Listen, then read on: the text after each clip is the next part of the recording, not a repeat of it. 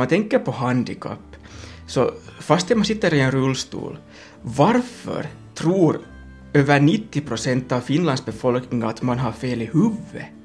Far vi till butiken och jag är med, kassapersonalen talar antingen med, med taxichauffören eller med min assistent. När Tommy Lundström var 24 blev han rullstolsburen. Det här skedde inte med en gång.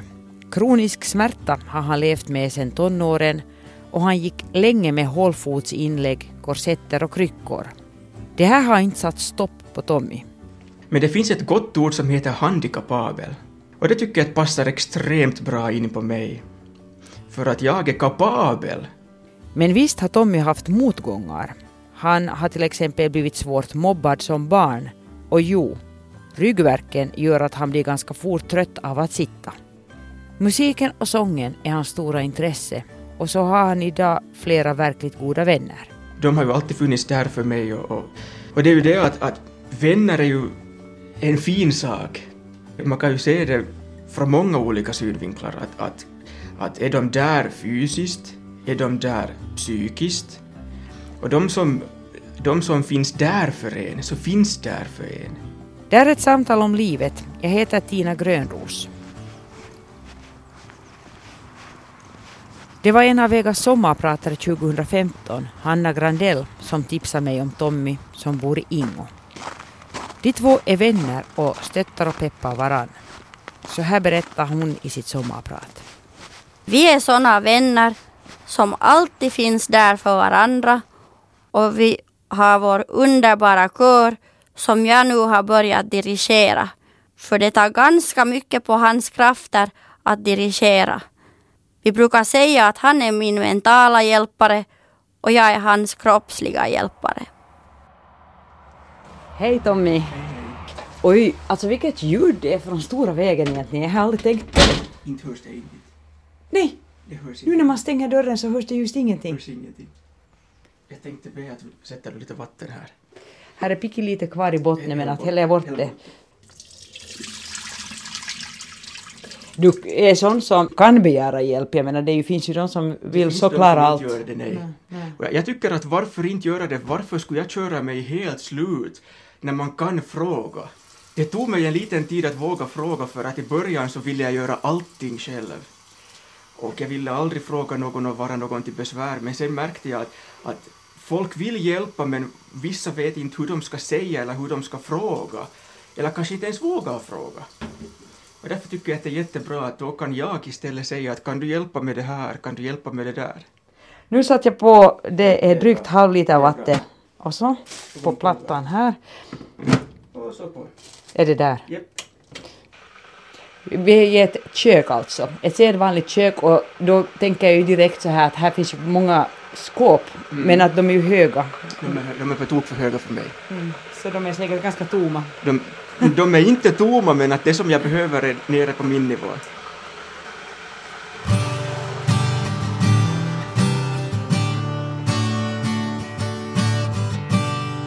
Jag är Tommy Lundström, Ingobo, 33 år gammal, utbildad datamontör. och Nu för tiden så sysslar jag ju med, som sjukpensionär så sysslar jag mycket med musik vad jag orkar och kan. Och lite andra hobbyer här vi kommer att ta upp här senare i programmet. Du är alltså sjukpensionerad och det är på grund av att du har stora ryggproblem. Stora ryggproblem och ledproblem och, och, och lite dåligt immunförsvar men att vi försöker göra det bästa av situationen man kan. Mm. Är det någonting som är medfött det här nu? Delvis några av mina symptom är jo, men att resten så har ju kommit på grund av inflammationer och, och andra problem som jag har haft i ryggen. Så, Inflammationer som har satt sig på ryggen helt som enkelt. satt sig på ryggen ju och, och gjort stor skada. Och jag har ju plattfot och har ju gått fel och stött fel på ryggen också som ju har gjort att, att inte är det bästa heller. Så. Och numera sitter du i rullstol. Nu sitter jag i rullstol ju. Hur länge har du gjort det? Sen 2007. 2005 så, så fick jag ju första kryckorna och före det hade jag ju redan 2003 haft hålfotsinlägg och, och korsetter på i över två och ett halvt år. Sen fick jag ju kryckor där på, på sommaren 2005 och, och det här på, på hösten blev det ju så att jag kunde ju jobba mera och, och jag orkade ju inte och, och jag behövde mera hjälp än vad, än vad ett hem kunde göra så jag flyttade ju i samband med det då för att kunna få hjälp. och sen fick jag ju Eva-stöd, en rollator som jag gick med lite på ett år. Och det var ju de där, under den tiden som de sa att det kommer att bli värre och jag kämpade ju på att försöka kunna röra mig så länge jag kunde men att till sist orkade jag ju inte. Så, så sen, sen början på år 2007 har jag suttit i rullstol permanent. Hur är det att leva ett liv i rullstol? För mig är det helt ett normalt liv, för mig alltså. Många så har ju den stigman och tycker att oj nej, att jag är handikappad, att jag vill inte visa mig utåt eller att, eller att jag vågar inte be om hjälp till exempel. Jag har själv varit den, så jag räcker upp handen här. Det kan ni inte se, men att jag gjorde det just, jag räcker upp handen. Jag har varit en sån som, som inte har vågat fråga i början efter hjälp, utan jag ville göra allting själv.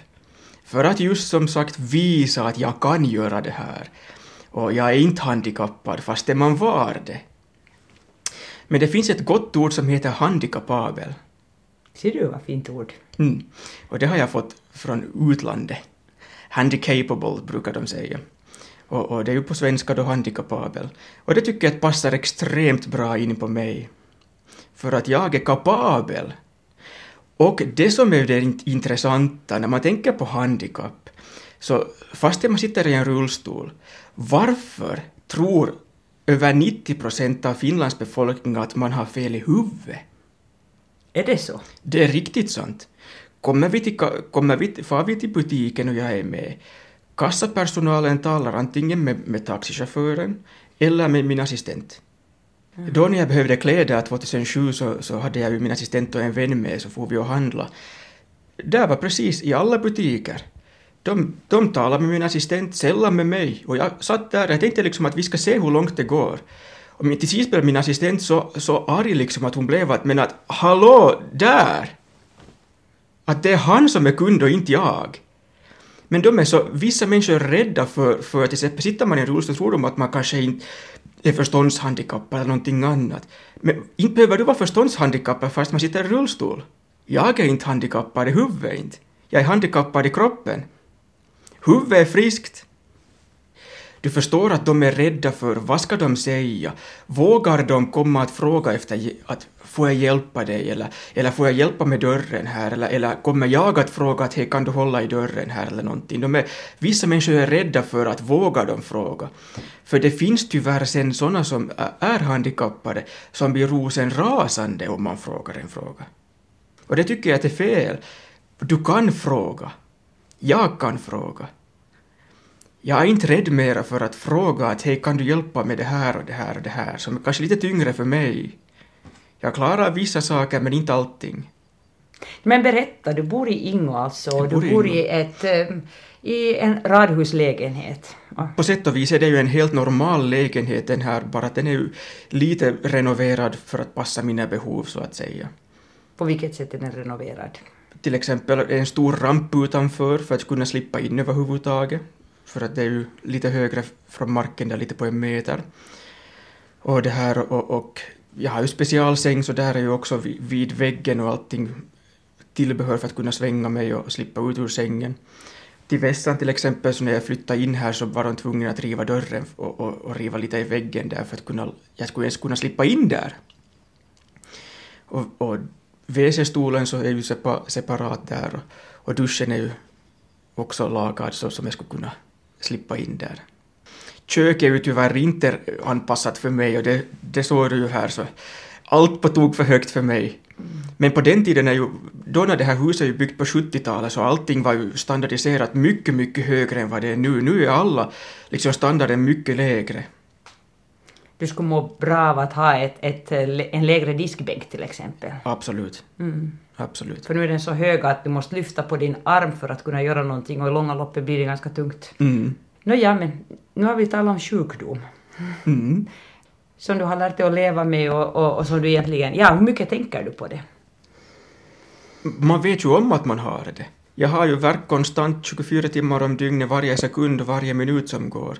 Men när du har haft kronisk smärta sedan 1999 framåt, så du vet ju om att du har det, så till sist du tänker inte på det mera, det är ju en del av ditt liv, helt enkelt. Och medicineringen i dagens läge är fantastisk. Så, så det kan jag ju säga att i mitt fall så vi har ju varit en liten försökskanin, att jag har ju provat på det, på det ena med det femte. Vissa har varit bättre och vissa har inte alls gått inte. Men att, att jag har ju bra medicinering nu som passar mig i det här skedet.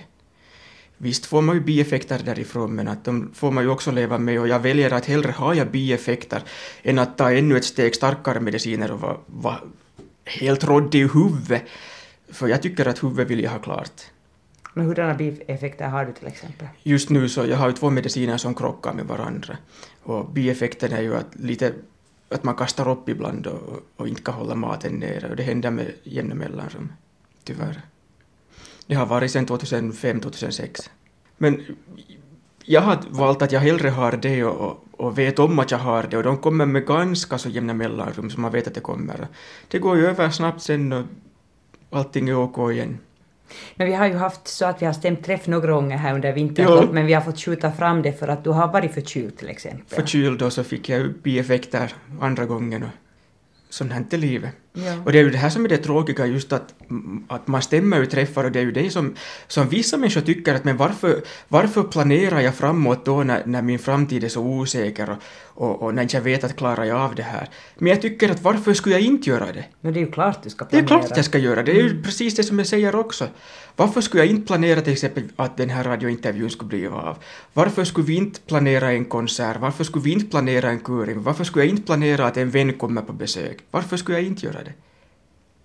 Ska jag leva mitt liv då som att, att jag vet att jag tänker vara frisk nu, att jag måste vänta och se nu och sen när dagen kommer se. Ingen lever ju som så. Och de som lever som så, så lever ett mycket tråkigt liv, ska jag berätta.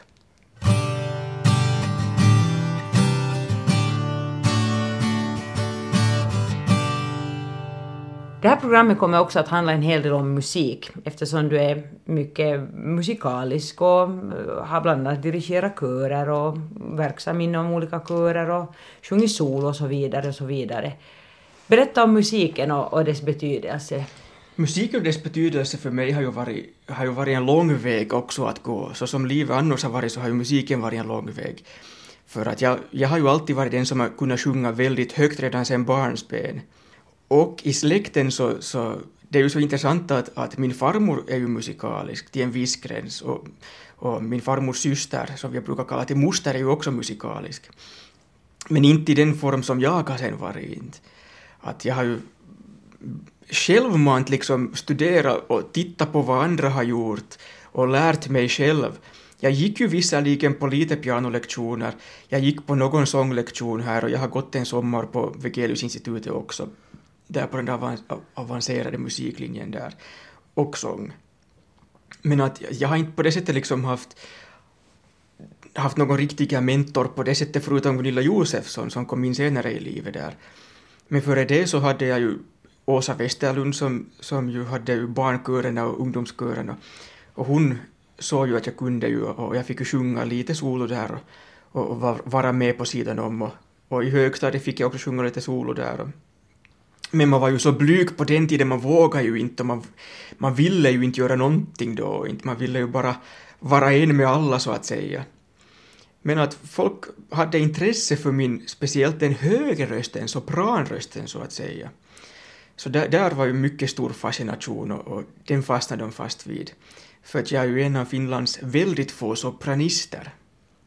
Vågar du ta ton här nu då? Eller hur mycket måste du värma upp innan du kan ta ton? Nå lite borde man nog sjunga upp först men att, att, Okej. att vad heter det nu, att tenor är ju, tenoren är ju där som, som jag har nu för tiden sjungit mest i kören för att den stämman har behövts.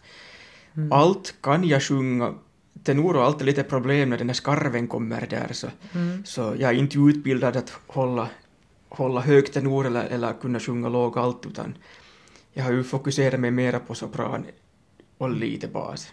Nå men, låt höra. Får jag höra någonting? Tenoren till exempel är så här i den stilen kan man sjunga, här är ju min tenorröst. Allting kommer där, sopranen kommer sedan. Wow. Som, som ett litet exempel så att säga.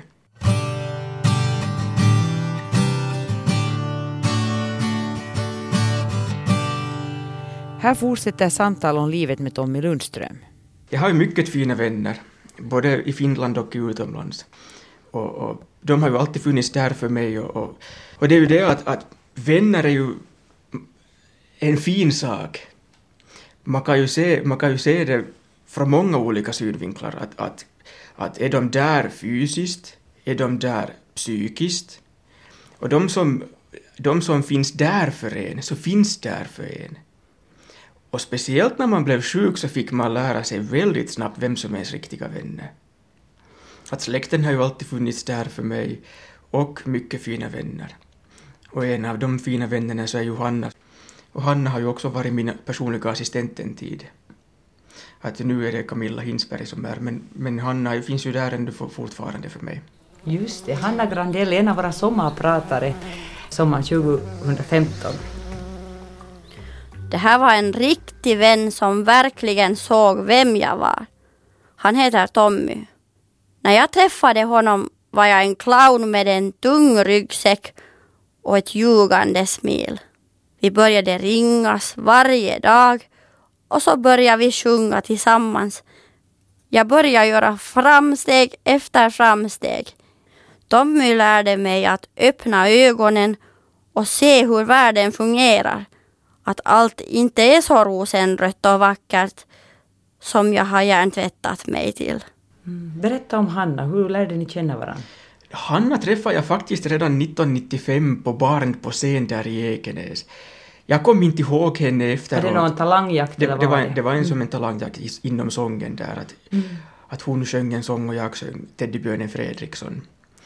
Men jag kommer inte ihåg henne från den tiden jag inte. Men vi har ju förstås på band finns ju det här och det televiserades ju också men jag kommer tyvärr inte ihåg henne inte. Men tydligen tycks jag ha gjort något intryck på henne för hon kom ihåg mig. Men sen i tidiga 2000-talet så började jag ju Kajorna där 2001 att sjunga.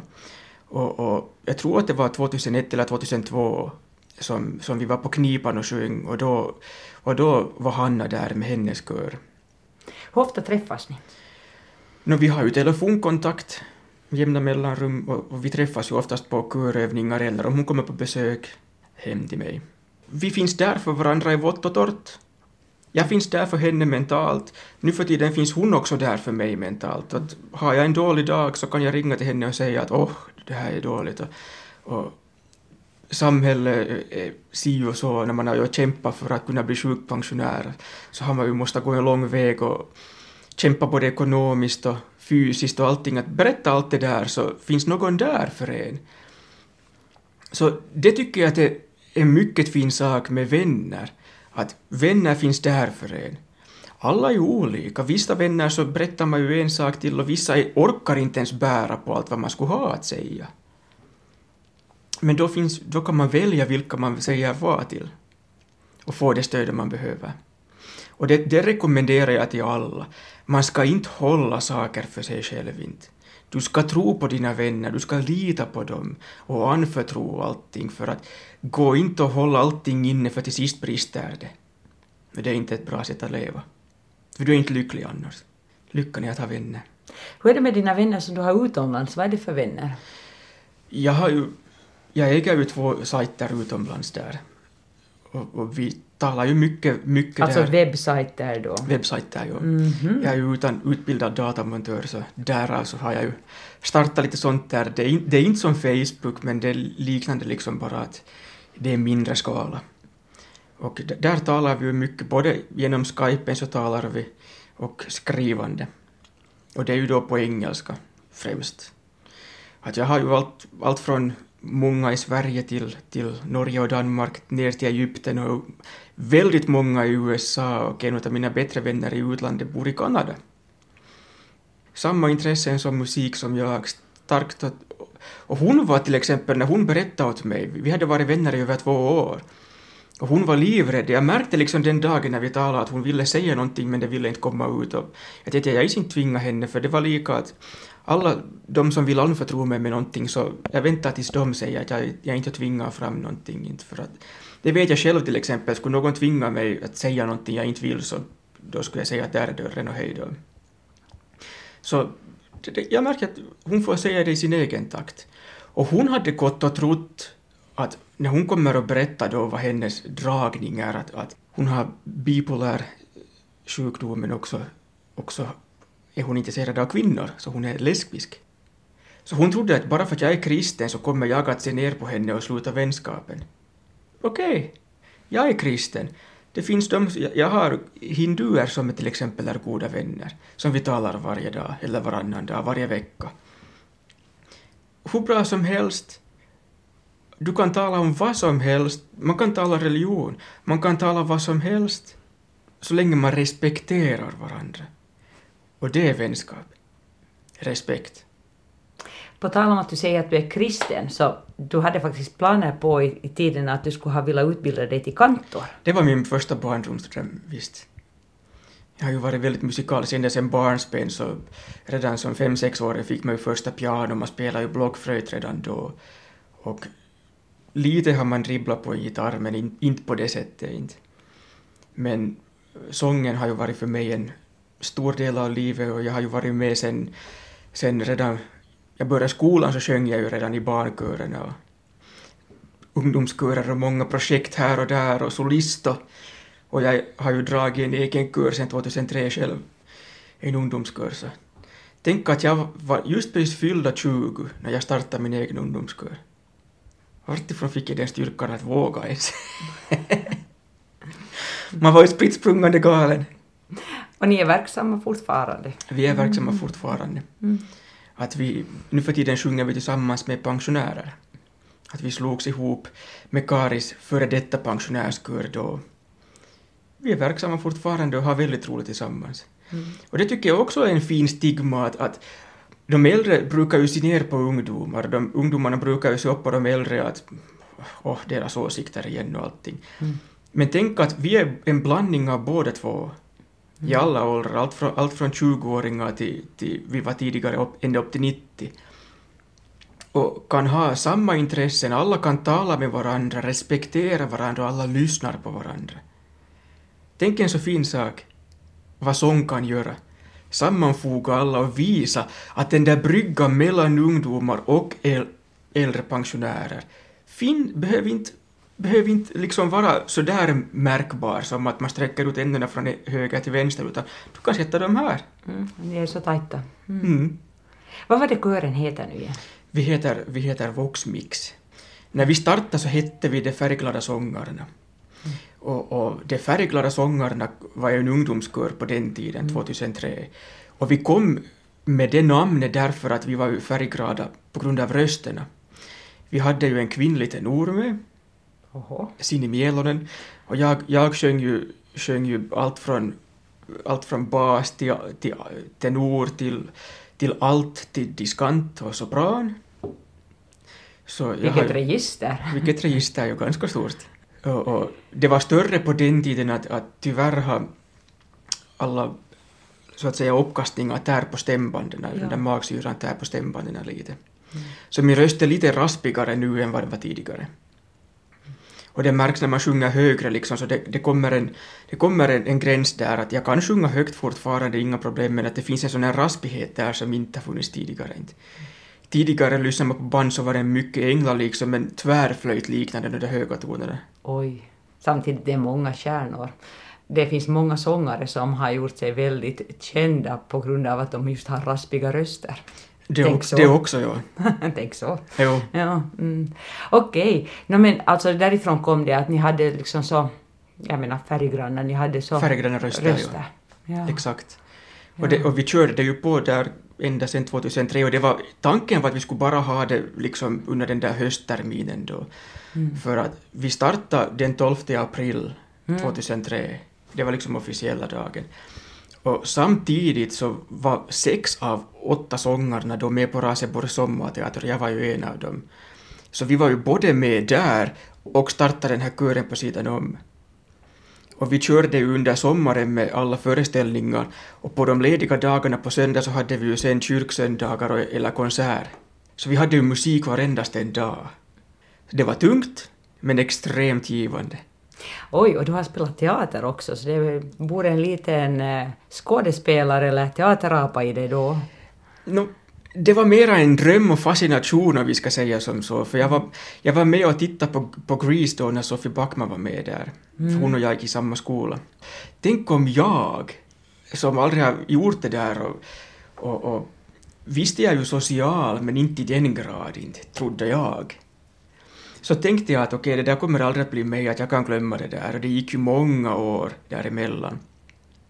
Men så började jag ju kajorna där och, och en dag så sa Teddy Granroth där att han söker sångarna till Blodsbröd där. Okej, Att och Teddy var dirigent för den här Teddy var kören då? dirigent då, ja. Mm. Och jag tänkte att jaha, kanske om jag skulle fråga.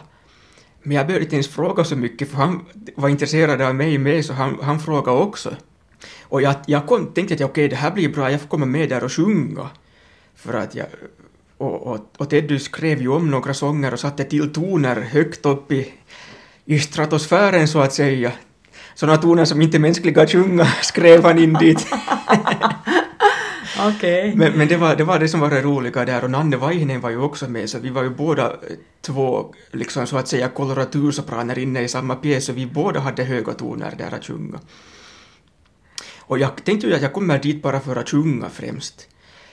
Det fanns ju inte en tanke för mig att jag skulle också spela teater där inte. Det var, det var jag liksom rädd för. Och, och jag, jag kommer ihåg att jag satte där, jag satte ju mig när vi övade där på tryckeriet, jag satte jag mig i, i, i, i publiken medan de liksom spelade teater där. Så kom ju Lindros och frågade mig att hej, kom upp där med och, och, och här finns någon roll du skulle kunna fylla och sånt här. Så tänkte jag, jag? Inte vågar jag. Jag ville, men jag vågar inte. Så tänkte jag att men jag, jag försöker att om man nu gör bort sig sen bara så de får skratta bäst de vill då, men jag får väl skratta bäst själv då jag också. Men jag gjorde det. Och jag fick några biroller, jag hade ingen talroll för det vill jag inte göra, inte, men att jag hade många biroller där. Och det var mycket givande. Främst att sjunga med att givande och sen bakom kulisserna så hade jag ju en stor roll att jag hjälpte ju speciellt Kim eller, eller Kristoffer då att byta kläder där mellan de där snabba bytena så, så jag var ju med och hjälpte dem där. När inte jag hade liksom någon större roll på det sättet så tänkte jag att jag passar in där och hjälper dem hellre så. Så du var lite allt i allo, förutom att du sjöng och också var på scen. Oj, vilken sommar! Det var en häftig sommar. Men jag ångrar inte. inte. För, att, för att min hälsa var ju på, på, på väg åt skogen redan då. Ingen visste ju om att jag hade ju två korsetter på mig just då. Jag gick ju med stora hålfotsinlägg över en centimeter under högra foten då på den tiden redan. Ingen visste om det. Men det var så givande för mig. Och, och, och det var det bästa att jag gjorde det då för att tänk om inte jag skulle ha gjort det då, jag skulle ha ångrat resten av livet. Att två somrar senare så, så gick jag ju med kryckor. Så.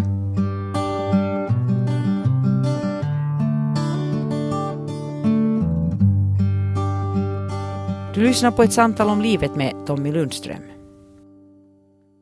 Du är alltså utbildad eh, datamontör. Jo. Mm. Vi snuddar ju vid det som barn, men vill jag ju bli kantor. Men då ska man ju ha fötter och rygg för att kunna sitta länge och jag märkte ju att det är ju inte riktigt givande på det sättet sen där inte så.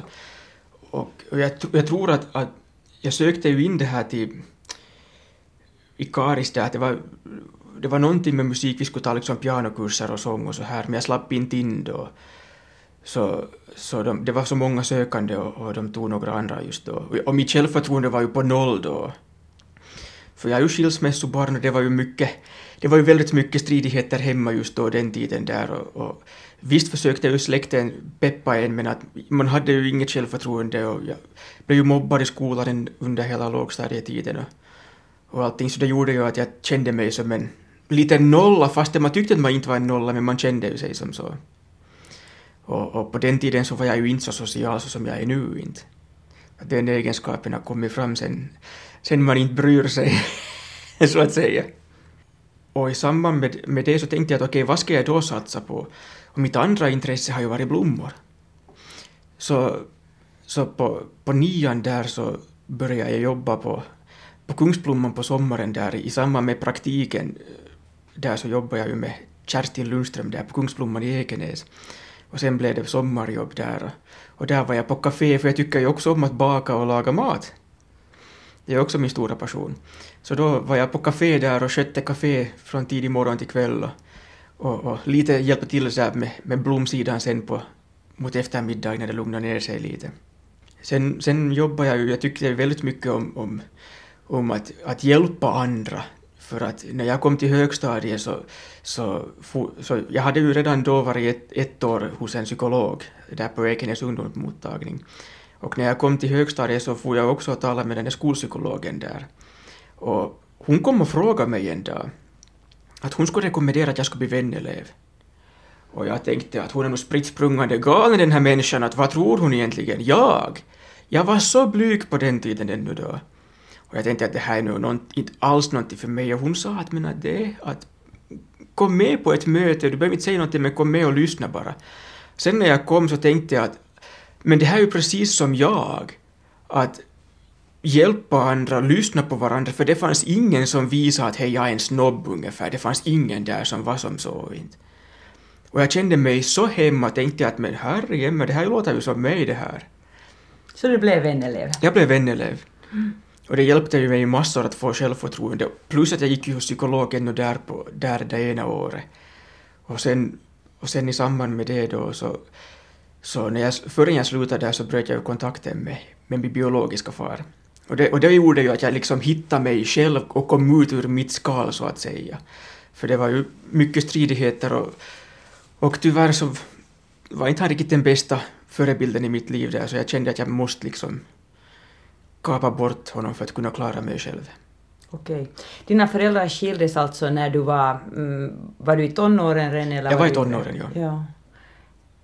Det är ju ganska vanligt att, att föräldrar skiljer sig. Det är ganska vanligt, ja. Mm, det är ganska vanligt att vara ett skilsmässobarn. Det är det, men att det är inte så vanligt att, att föräldrarna trycker ner en till, en till en så stor gräns, eller att inte ha intresse av en på det sättet, det tycker jag att det är synd. Du upplevde det så?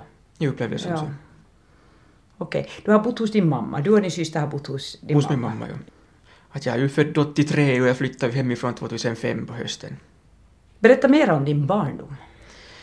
Min barndom var ju, på, var ju lycklig och, och glad på det sättet annars att vi har ju haft en bra barndom och, och, och mamma har ju försökt sitt bästa och, och vi har ju haft mummo och morfar och farmor och farfar med släkten där som alltid har funnits där för en. Och så har jag ju en lilla syster också som är tre år yngre än jag. Så.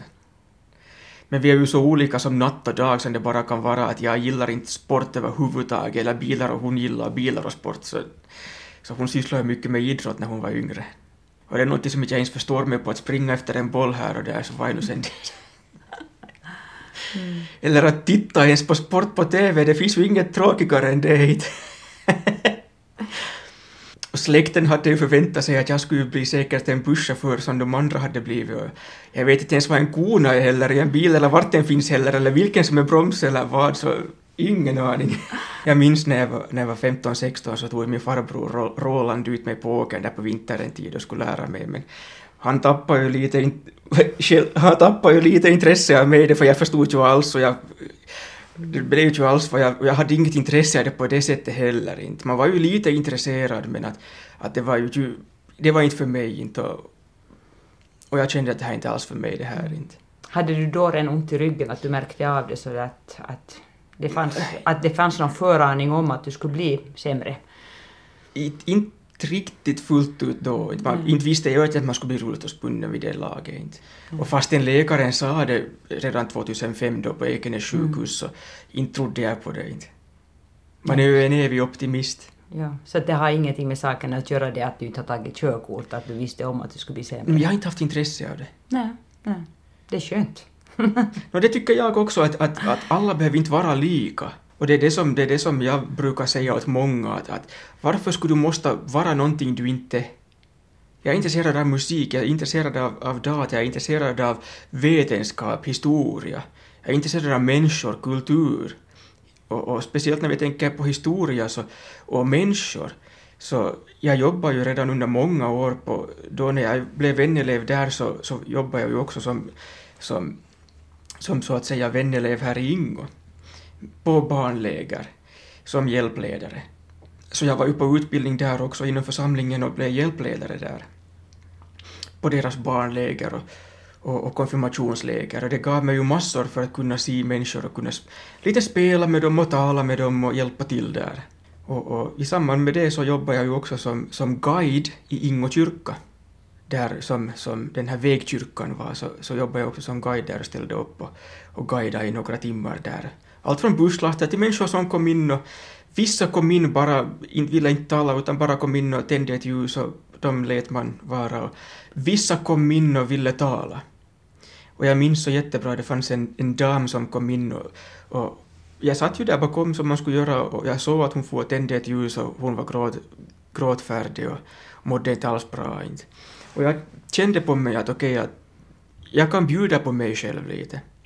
Så jag frågade att, att får jag spela ett stycke åt henne för jag hade fått lov att spela på orgel då, då där i början så, så spe, jag spelade ett stycke för henne och, och hon öppnade sig efter det. Jag spelade Ave Maria. Hon hade mist sin man och, och, kände att livet inte är värt att leva mera. Och var mycket deppig och, och nere. Och, där, och, och, och, det, var som, det var som det skulle vara gjort för denna förmiddagen och eftermiddagen hade varit helt full med busslaster och det var väldigt fint väder ute. Så fort hon kom in, det kom inte en människa in där inte. Inte en heller mer. Så vi fick vara där. Och, och vi talade mycket i ett par timmar där och sen bytte vi telefonnummer och jag får träffa på henne ett par gånger. Och hon sa sen efteråt att skulle inte, skulle inte jag har varit intresserad av henne eller talat med henne då så hon skulle inte leva mer. Du är bra på att ta människor. Jag brukar förstå dem ganska bra. Och jag är intresserad av människor, jag är intresserad av deras bakgrund, deras historia, vad de har att berätta och vem de är. Och jag är en bra lyssnare. Det sa Hanna också. det tror jag. Men berätta, du nämnde här att du har blivit mobbad. Jag har blivit mobbad.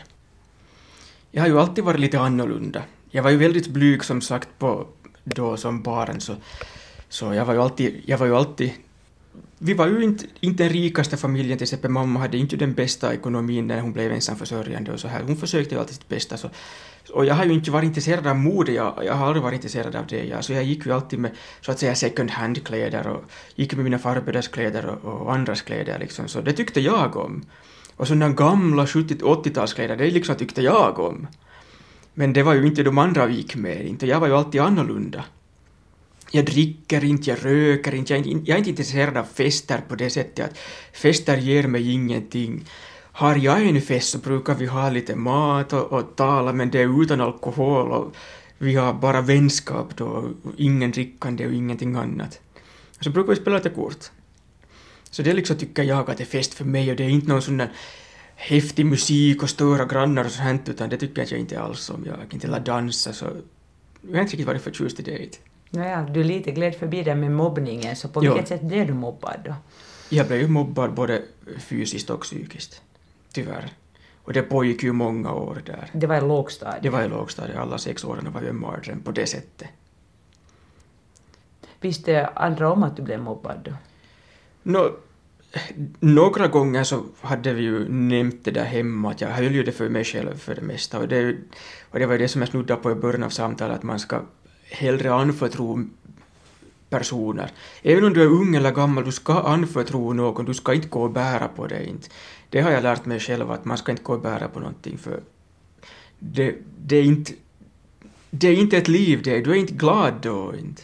Men du höll ganska länge tyst om att du blev mobbad tydligen. Jag, jag var väldigt länge tyst om det. Och snuddade man vid det så nämnde man bara någonting kort.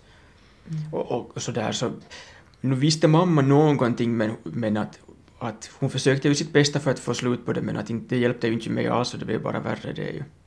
Och inte var ju heller lärarna tog jag på allvar heller så. På vilket sätt blev du mobbad när du sa att du blev både fysiskt och psykiskt? No, jag, jag hoppade ju hopprep med flickorna till exempel. Jag försökte ju vara vän med de där tuffingarna så att säga där men det hjälpte ju inte mig på det sättet heller inte. Blev du mobbad för att du var med flickorna? Det också. Mm.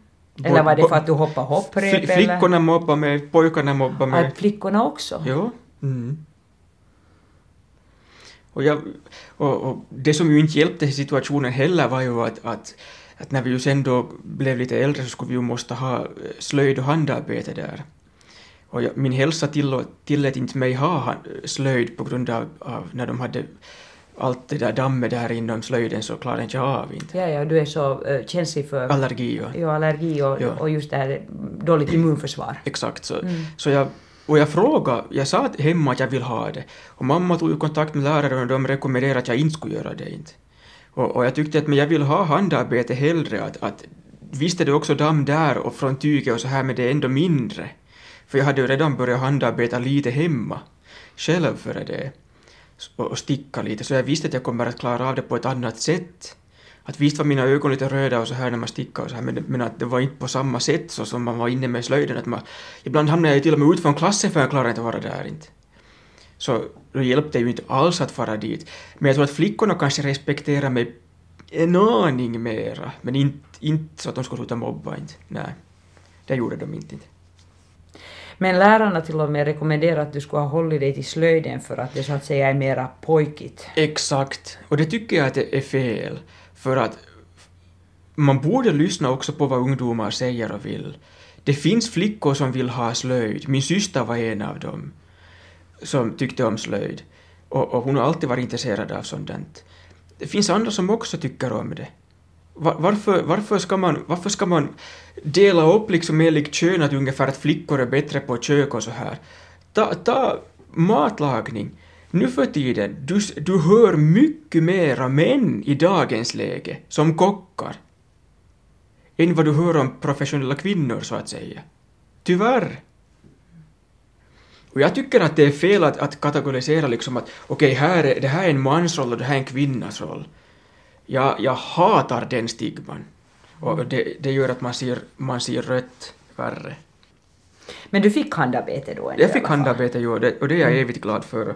Och Maj-Britt Björklöv var ju lärare där och hjälpte ju mig liksom, och, och så till att man inte att sa någonting på, på timmen så sa hon ju till där. Och, och de slutade ju där och, och det var roligt. Jag, jag ångrar inte alls inte. Så du lärde dig sticka och hur var det med broderade? För jag menar du har ju jättefina broderier här hemma. Jag, jag broderar ju en aning som sagt lite tidigare men jag lärde ju mig där att sticka och symaskin och, och allting och jag fortsatte ju sen när vi kom till högstadiet. Så det första som jag gjorde var att valde också handarbete där. Och, men, och, och det, det bästa med högstadiet var ju det att, att jag var ju också livrädd för att tänker jag bli mobbad här nu så då, då blir det ett helvete till. Men jag hade ju som sagt redan gått hos psykolog då ett år och jag fortsatte ju och gick med skolpsykologen där, men det, det, roliga var att jag blev inte mobbad överhuvudtaget där inte. Det var ju byte av skola för det byte första. Byte av skola, jo, så hjälpte ju. Det var ju många, vi var inte ju allt för många Ingo-elever som kom där, utan många får ju till Karis. För att Ingo är uppdelad, var uppdelad då liksom att de som bodde på andra sidan älven så skulle ju måste till Karis. Och, och du får till Virkby? Ja. Mm. Så det som Ende säger att, att mobbande börjar vid högstadiet, så för dig var det precis tvärtom? Precis tvärtom. Tänk så skönt.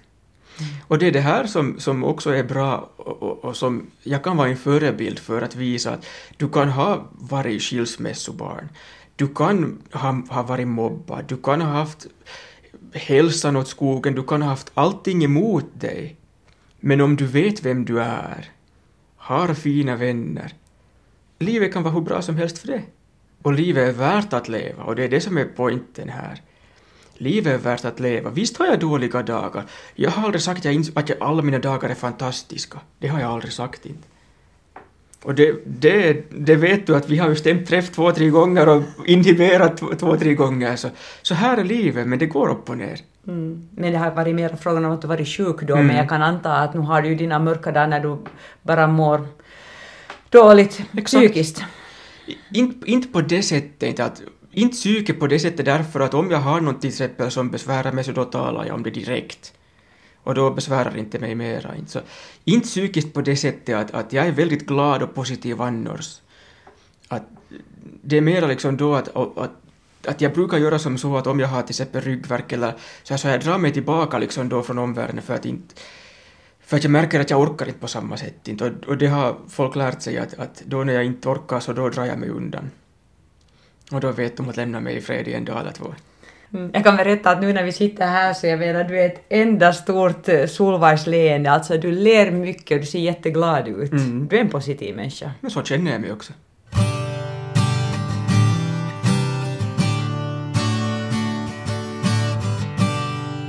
Berätta mer om vad du sysslar med.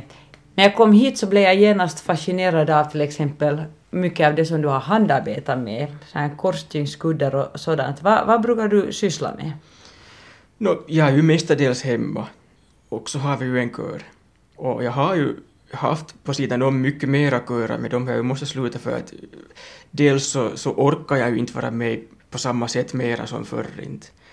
Och förr så satsade jag ju mycket på solosång för att alla var intresserade av min sångröst som vi har nämnt här ett par gånger. Speciellt den, den inom sopranen liksom, så det är ju inte så vanligt, det är så många som är intresserade av den biten. Men det måste jag säga att, att konstigt nog så att, att vara solist så ger mig inte alls lika mycket som att kunna hjälpa andra fram.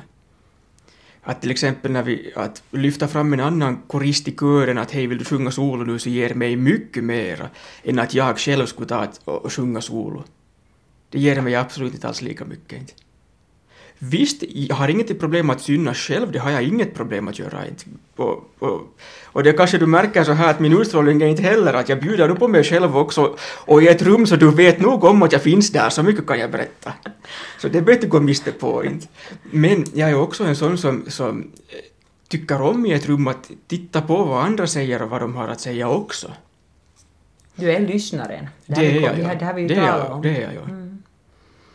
Och jag hjälper ju många mentalt att lyssna på, på deras liv och deras problem och, och, och, att bära på deras problem. Och det är det som många tror att jag, att jag hela tiden konstant bär på dem och frågar att hur orkar du alltid lyssna på mina problem?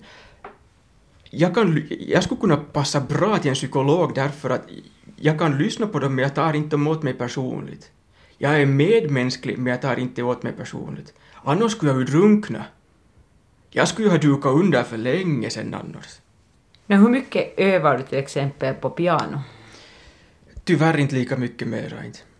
Och tyvärr har inte jag heller broderat på, på en tid heller, för mina leder är inte alltid det bästa. Och det märker jag till exempel när vi, jag försöker lite på fredagar ännu när vi har körövning spela piano, men att det är inte samma fingerfärdighet mera. Inte. Att för, förr var de snabba, att nu är de något sånär, men, men inte på samma sätt inte. Och det är tungt dessutom också att sitta liksom, så du ska sitta så i den här ställningen, så det är en enorm belastning för axlarna. Mm, med händerna lite höjda. Ja. ja. Alltså vad har du med dina leder? Berätta om det. De är ju ömma. Mm. Och jag har ju, ledvätskan är ju dålig på många och jag är ju överrörlig, att jag kan ju sätta allt, nej, allt, gör inte, alltså, jag kan berätta att Tommy tog tag i tummen och, vände den liksom i så här helt nästan onaturlig vet, ställning. Men, men ja. de, de, är så överrörliga att jag får ju dem får, överallt. Okej, okay, du är som de här när man tittar på, på cirkus på de Exakt. här äh, kinesiska unga flickorna som är jättevigulanta menar Så har jag varit också. Jag kunde, jag kunde sätta mig i en boll hur som helst och allting tidigare. Ja.